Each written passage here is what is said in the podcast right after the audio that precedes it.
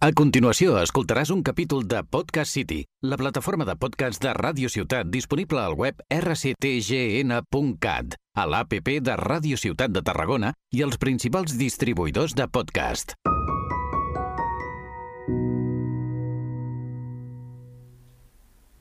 Benvingudes i benvinguts a un nou capítol de Maternitat i criança conscient, més enllà del que t'han explicat. Jo sóc l'Estela Prado, dona i mare d'en Bruc, nascut a finals de maig d'aquest any 2022. També sóc mare d'una ànima que va marxar a les 8 setmanes de gestació, uns mesos abans de concebre en Bruc. També dic, també dir que se'm coneix com a terapeuta maternal, ofici destinat a acompanyar la gestació, el part, la placenta, el postpart i la criança. I avui, a més d'estar jo aquí en aquest podcast, també tinc una col·laboradora que es diu Mada. Us deixo amb ella, que es presentarà. Hola, molt bé. Benvinguda. Gràcies. Eh, sí, jo sóc l'Amada, sóc mare de dos criatures, d'una nena que té 6 anys i mig, l'Intilua, i del Riu, que té un anyet i 3 mesos. Eh, soc educadora social i antropòloga de professió, però des de que va néixer la meva filla, sobretot, que la meva vida va donar un vuelco de 300 no sé cuántos grados, ¿sabes? Eso mismo de 360 graus. I, i la meva atenció va molt dedicada plenament a, a la criança, no? I a ser com... a intentar ser més conscient cada dia, no?, dels reptes que ens suposa pues, això, acompanyar a criaturetes en aquest món i, i a més amb, amb totes les sombres que em vaig veient i intentant sostenir per poder, per poder pues, millorar, no? Llavors crec que és molt important i estic molt, molt contenta de poder estar aquí i poder anar fent aquesta tertúlia i, i això, moltes gràcies. Moltes gràcies a tu per venir fins aquí. Um, doncs el podcast d'avui uh, va de que, bueno, donat que en la gestació ens mirem molt el tema de com cuidar-nos i, com, i ens informem de què està passant a la gestació. Després ens informem molt sobre el part, de quines opcions i què és el que volem, què és el que no volem, i normalment fins aquí ens arriba el nostre interès eh, perquè és el que veiem i és el que sentim que ens està arribant. I de cop hem parit i tenim una personeta, un nounat, que està amb nosaltres, i molt sovint ens n'adonem de que ah, és que, que, no, que no sabem res, que no, que no ens hem investigat, que no hem anat més enllà del part. Des, després d'aquest gran event del part, no sabíem que hi havia més enllà. Que, i, i, I la veritat és que després del part és on comença tot. I per aquesta raó eh, ens ve de gust a la Mada i a mi comentar cosetes que ens semblen interessants que en el nostre moment ens haguessin comentat, que algú ens hagués comentat o coses que hem anat descobrint i que ens ha semblat interessant compartir amb vosaltres. Jo, per exemple, començaria... Eh, a mi, per exemple, em vaig parir al Bruc i de cop em, com que em costava agafar-lo. Era una personeta petita que no s'aguantava ni el cap ni el cos ni... I, i això semblava que es desmuntava. No sé, tu, Mada, com ho vas viure? Sí, és tota una nova sensació, no? Eh, tens aquella coseta petiteta que jo els veia com a molt, molt vulnerables i aquesta vulnerabilitat també em venia a vegades a portar preocupació, no? De dir, no? em venien com a moltes pors, incerteses, inseguretat, no? De, uau, tinc aquesta personeta aquí, a més fan tantes cares, es mouen, no? tenen uns moviments també com a molt, a vegades com mig espasmos, no? Que... Sí. I fan tots aquests sorollets, aquests moviments, i veus aquella coseta tan petita que dona com sensació, no? I llavors dius, uau, com, com ho fem això, no?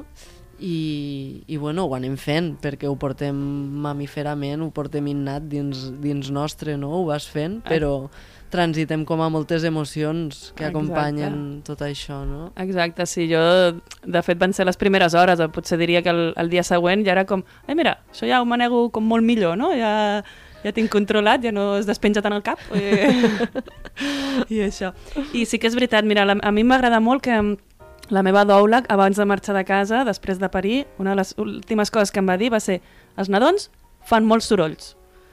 I realment això ens va tranquil·litzar tant al meu company com a mi, perquè Sobretot a mi. El meu company en moments era com, està bé el bebè perquè està fent aquest soroll que sembla que estigui roncant o que, estigui, que li estigui passant alguna cosa i, i realment és això, que els nadons fan molts sorolls, molts sorolls, molts moviments, que amb sí. això els moviments també està, és, hi ha un reflexe que se'n diu reflexe de Moro, Mm -hmm. i que ve a ser això, és com un reflexe que sembla que s'estiguin caient els nadons. Eh, o sigui, és com que els hi dona la sensació que s'estan caient i obren els braços i, i fan una cara d'espantats. I és un reflexe que dura setmanes, que se'ls en va a veure els 3-4 mesos. I és un reflexe ben normal.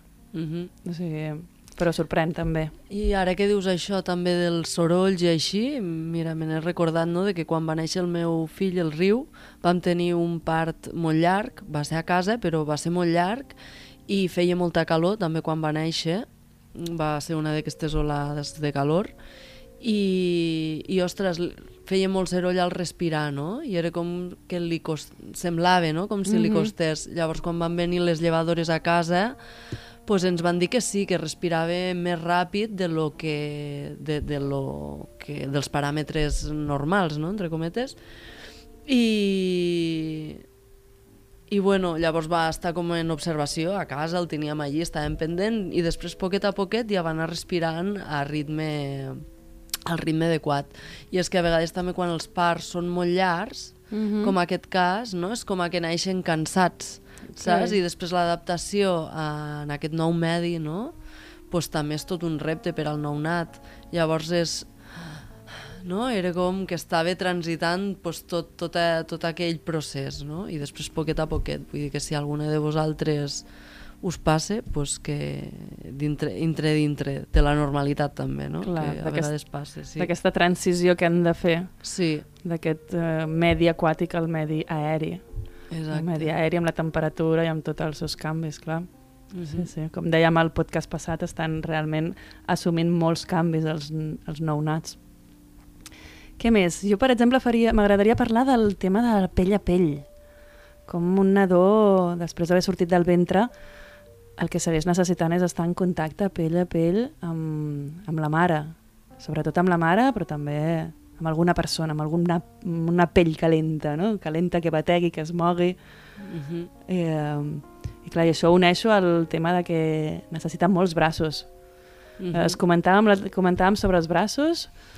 Sí, no? Per exemple, que a mi, eh, en la meva primera filla, no? també vaig estar fent eh, com un estudi, no?, abans de, de tindre-la allò, i ho tenia molt, molt gravat a foc, no?, com braços a tope i, i tindre-la al meu damunt i fins al punt que també ho vaig portar molt a l'extrem, no? Vull mm -hmm. dir que mhm. invito aquí a fer la reflexió que a vegades, o sigui, hi ha com coses que poden ser beneficioses pel nounat, per la mare, per l'ambient en general, però que tot portat a un extrem, pues, evidentment, eh, se'ns va de mare, no? Eh, mai yeah. millor dit. És a dir, mm, que al final no descansava mai jo. Uh -huh. Era tan braç, tan braç, tan braç, que no em permetia tindre certs espais per mi, fins al punt de que a vegades em dutxava un cop a la setmana, no? Perquè és Clar. que no podia... També estava sola amb ella i això era un altre hàndicap, Clar.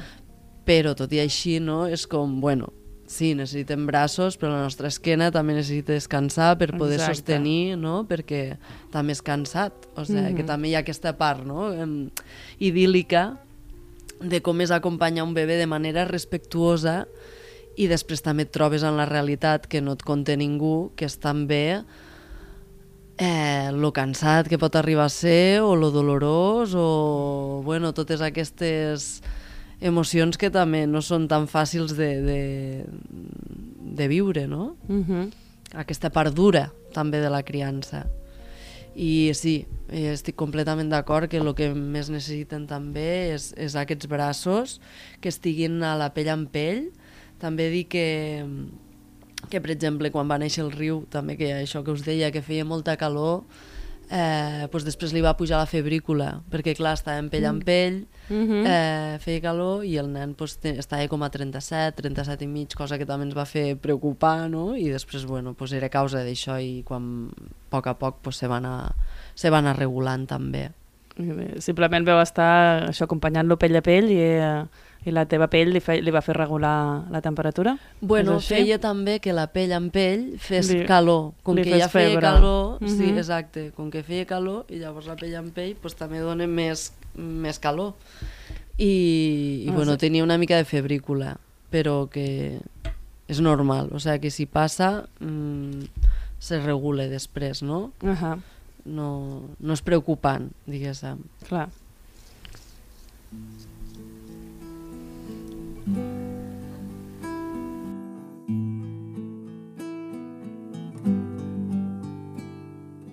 mundo es como un eco co, co, co, en la papa, papa, panza de mamá. Burbujas traen reflejos de la voz de mi papá. Soy un pez vivo en tus aguas, soy un pato en el cielo. Molt bé. Després d'aquesta petita cançó de la Marta Gómez, aquest trosset, continuem eh, nomenant més cosetes sobre el nou nat. Eh, és això, eh, tenim un nou nat que no s'aguanta gaire al cap, que l'important és fer el pell a pell, que hem de també cuidar-nos en fer els braços i, eh, i el tema de vigilar si fa molta calor, tenir-lo, fer una regulació que durant la primera hora també trobo que és important el tema de la lactància. El tema de que intentem no separar, tenir-lo sempre amb nosaltres, que no se separi de nosaltres des del moment en què neix i, i donar-li el pit, si és la nostra opció. Eh, i ens anirà molt bé també tenir unes persones que ens assessorin, ja bé sigui les llevadores o una doula o una assessora de lactància. Molt sovint, sobretot si és la primera lactància, ajuda molt. Jo vaig tenir l'ajuda, aquesta ajuda que us nomeno, i la venero moltíssim, agraï, agraïda infinitament perquè és això, entre la, el, petit, el petitó que no saps com agafar-lo i que mai se t'ha enganxat ningú una personeta a la teta, doncs a vegades costa. Però també confiar amb el nadó que sap com fer-ho, que té eines, té un instint que li funciona, un instint de supervivència i a través de l'olfacte eh, troba el mugró i, i, i si el deixem al seu espai mm, sap com fer-ho. Què, què voldries comentar de, Amada sobre això? Sí, recalcar també no, que la llet materna, sigui, sigui quina sigui l'opció de cada persona, no, que és totalment lliure, però pues, hi ha estudis no, que ho corroboren en el sentit de que és, és, lo, és, és l'aliment més nutritiu que pot tindre el bebè i a més li proporciona un munt de, de defenses també. No? Ara neix en aquest plano on el que necessita um, degut a la seva vulnerabilitat i que s'ha d'anar adaptant, necessita anar tinguent les seves defenses eh, pues, i està protegit, no? I la llet materna és el que el nutreix més i el que l'empararà més de tot això sens dubte, no? Mhm. El que passa que, bueno, a vegades sí que hi ha moltes persones que no és algo tan fàcil, no? I jo, com he tingut la sort de que no he tingut aquesta dificultat, de que els meus dos fills s'han s'han adaptat ràpid al mugró, no? però que sí que és freqüent que hi ha moltes mm, persones que els hi costa i després pues, han d'optar no? doncs per, per llet d'un altre tipus perquè el bebè pues, ha d'anar creixent Mhm. eh, n'hi ha molts també que neixen amb el frenillo Sí. amb una dificultat així en la llengua, que, bueno, que també és observable perquè també conec mm, amigues que han portat el nen o la nena a l'osteòpata i els hi ha regulat això Ahà. i no ha fet falta que els hi tallin el frenillo, no? Ok. D'altres persones, doncs sí, no? Mhm. És com... Sí. Bueno, Amb això del frenet, eh, jo diria que hem d'anar molt en compte eh, i eh, saber-nos saber amb qui, qui ens està assessorant sobre el frenet, perquè jo últimament em dóna la sensació que hi ha com una moda ui, té el frenet eh, curt, anem a tallar-lo. I potser a vegades, com tu dius, amb un osteòpata o canviant a vegades la posició en què fiques el, el nadó, um, s'arregla el tema de, de l'agarre, de, de l'enganxe. Um, perquè és això, la sensació que hi ha massa, massa moda i no sempre és necessari tallar-ho. Sí que és important que si realment tenim un frenet curt, sí que és important posar-hi mesures, doncs tallar-lo perquè perquè després pot afectar no només en la lactància, sinó després també en el tema de la parla, en el tema de la fisonomia de la boca, eh, moltíssimes coses que és important posar-hi remei, si mm. realment s'hi cal. Sí, també jo tinc la sensació això, que des de la medicina, diguéssim, convencional, el, la, que, la convencional, enten, ens entenem per convencional? Jo sí t'entenc, sí. Aquella que trobaríem en un hospital, en una farmàcia, Exacte, en un sí. metge de capçalera. Sí, com a que també hi ha com una pressa, no? A que el mm -hmm. bebè creixi i ha de pujar de pes, no? I a mm -hmm. vegades, clar, mm, es respira por, no? Es respira mm -hmm. por per tota aquesta vulnerabilitat de la que hem estat parlant i jo abans, abans de res, o sigui, donaria com uns dies, unes setmanes, no?, de que a vegades no s'enganxa el primer dia, a lo millor ha d'estar més estona enganxat a la teta uh -huh. per fer el seu procés, no? Vull dir, paciència, confiar en que aquesta personeta ho podrà fer, en que tu ho podràs fer, Exacte. i que allí també entren molt, en joc moltes coses, no? de la relació de la diada entre la mare i el bebè, uh -huh. de les pors que li puguin sorgir la mare, de lo que de lo que representa el dedicar aquest temps cap a una altra persona no? i que algú t'estigui mamant la teta mm -hmm. eh, moltes hores al dia, pues no tothom ho sosté de la mateixa manera que una altra, no? Vull dir mm -hmm. que allí hi ha tot un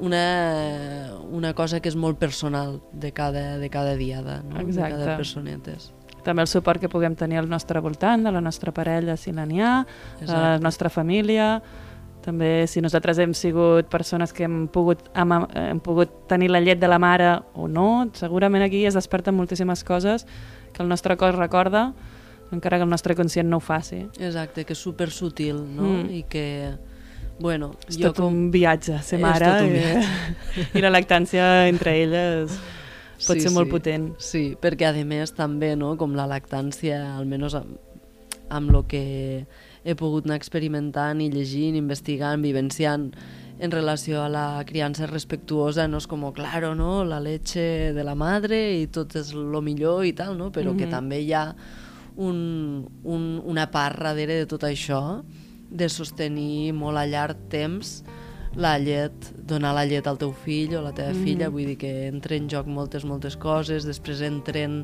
també les etapes, les crisis de la lactància, mm -hmm. dels dos mesos, dels tres, o sigui, com cada tanto hi una crisi, tu sí, sabes? Sí, sí, totalment. Que, per exemple, amb la meva filla petita no ho vaig experimentar, però amb el, amb el riu sí, no? Amb el segon sí. Uh -huh. que... I bueno, que no és fàcil moltes vegades, no? I sí. això tampoc ningú t'ho explica. Eh? Exacte. En plan, sí, claro, da la teta y es lo mejor y tú, vale, claro, claro, uh -huh. también allí a fuego, no? Però també és molt possible que vagin sortint pues, eh, entre bancs, entre el mig i que s'han d'anar superant i, i bueno, cada qual pues, anirà veient quina és la seva millor manera i forma. Exacte, Entenc. Aquí està la clau també, és el cuidar-nos, no? Com a mares hem d'estar bé per cuidar el nostre nadó i una d'elles és això, no? És, és anar valorant quin, pues, pues, posant la balança no? on està el, la benefici del nadó i la, meu, i la meva cura també. Eh, mm.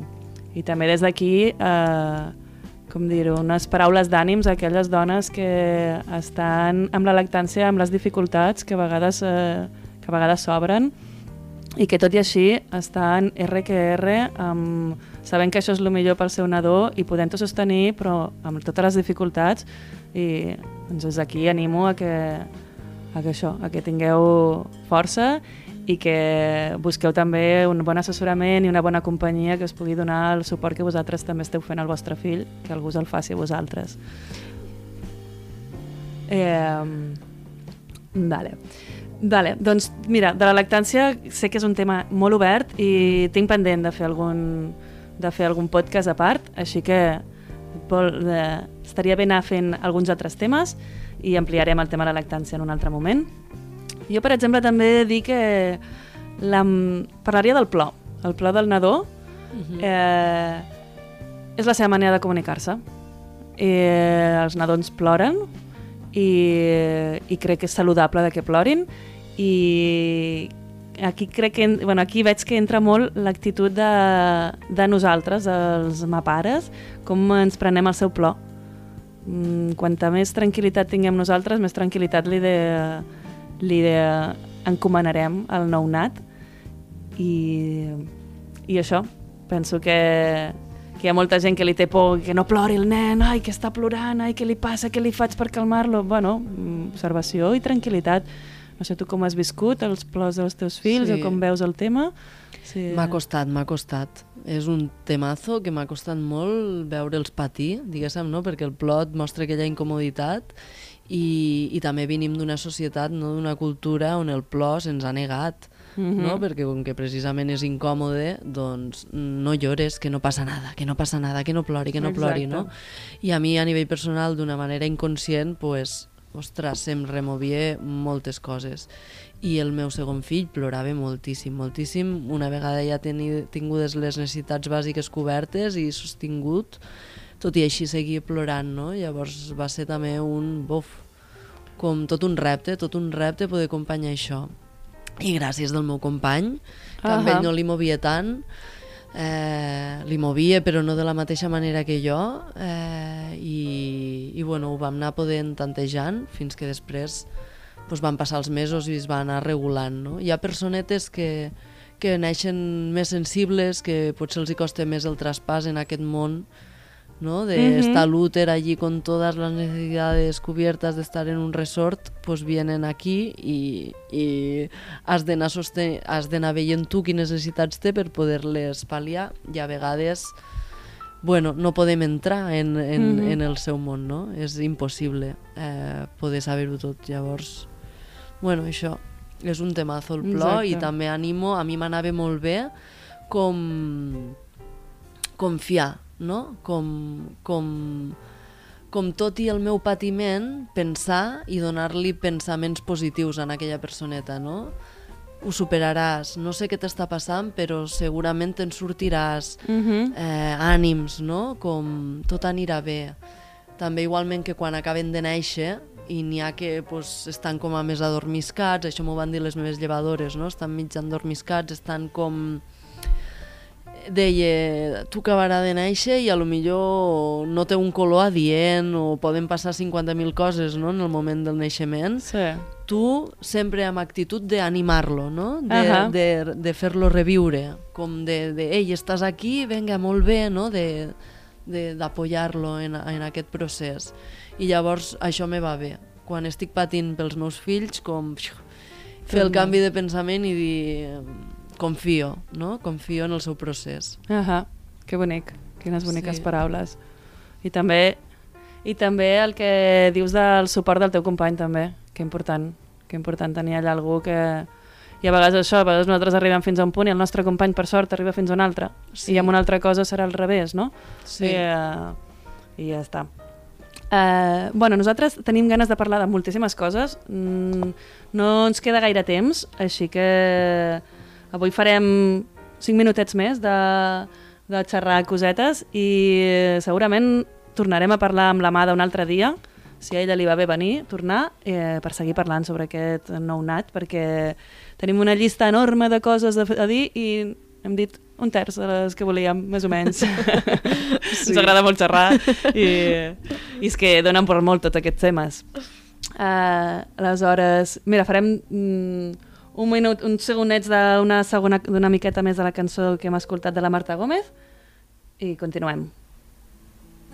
Soy la copia de su cara, soy la huella de tus pies, soy la mezcla de abuelos que me ven.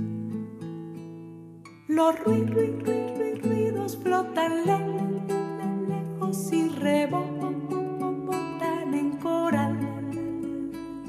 Y duenden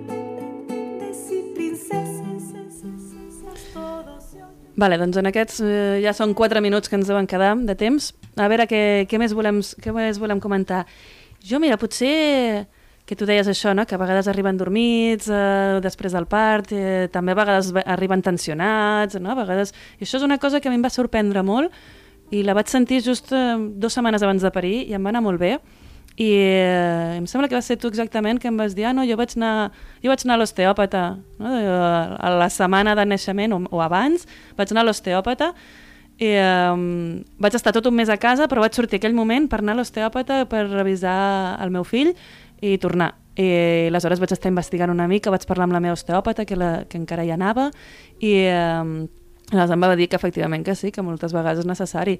I de fet, després he estat escoltant, no? Hi havia una mare un dia que deia Ei, no sé què, què està passant, però jo cada cop que deixo la meva filla estirada panxa amunt per canviar-li el bolquer, brama, crida com si l'estiguéssim allò eh, fent un mal horrible.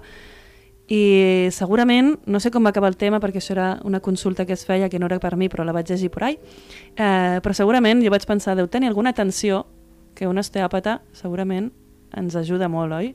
Mm -hmm. Sí, totalment. La veritat que per mi un olé a l'osteopatia, ¿sabes? És com una màgia mm -hmm. que crec que hauria d'estar a, a tot arreu perquè jo vaig estar anant, quan estava embarassada a l'osteòpata, em va anar superbé quan tenia algun tipus de dolència i ella em va dir que, que ella recomanava que una vegada nascut el nadó ja sigui un part de qualsevol tipus. O sigui, que pareixis a l'hospital, que pareixis a casa, que pareixis en una casa de parts, que pareixis... Mm -hmm. Que sigui com que, sigui el que sigui part, llarg, que sigui, que sigui curt. que sigui vaginal, que sigui llarg, curt, perquè tot part porta com un trauma implícit. Mm. -hmm. Per a que això que pa- parlàvem, no? d'estar en un ambient recollit, on tens totes les necessitats cobertes d'alimentació, de cobijo, de... Mhm. no? Naix, naixem en aquest, en aquest plano i només pel simple fet de néixer i ja, ja passen un munt de coses, no? Clar, també han de passar per un canal de part que és estret, on no, ells en, també se, se senten comprimits, han de fer uns giros, han de... És un esforç, És tot un néixer. viatge, és tot un viatge, eh, sí, sí. És tot un esforç i llavors eh, jo també no, pensava, ostres, doncs si neix respectadament no, pels meus valors, que per lo que per mi és un part respectat, Mm -hmm. doncs ja està, no? Pensava que ja estava i no, no està. no està.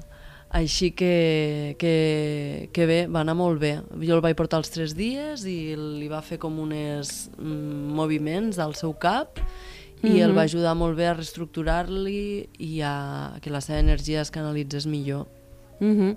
Sí, jo vaig esperar una mica més. Jo vaig parlar amb la meva osteòpata, li vaig dir, cal que el porti ja? Va dir, el veus intranquil, el veus que hi ha alguna cosa, què tal? I vaig dir, no, em sembla... Era... Jo, tinc, per sort, tinc un, un nadó que és molt tranquil.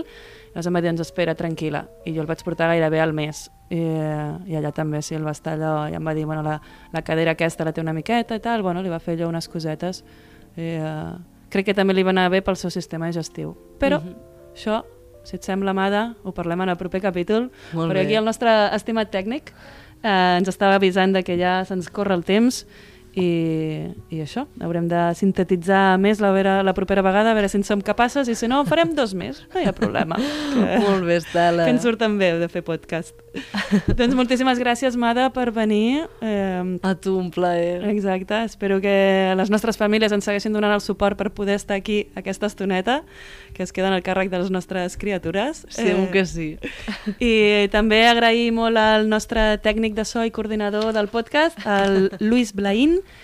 I, i res, Luis, si vols acabem amb l'últim trosset de, de la cançó de la Marta Gómez i ens veiem a la propera. Moltíssimes gràcies i bona Gràcies. criança.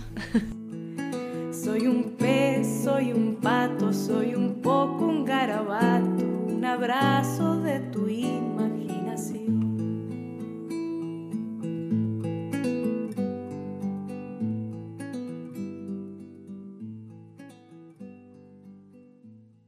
Has escoltat un capítol de Podcast City, la plataforma de podcast de Ràdio Ciutat disponible al web rctgn.cat, a l'APP de Ràdio Ciutat de Tarragona i els principals distribuïdors de podcast.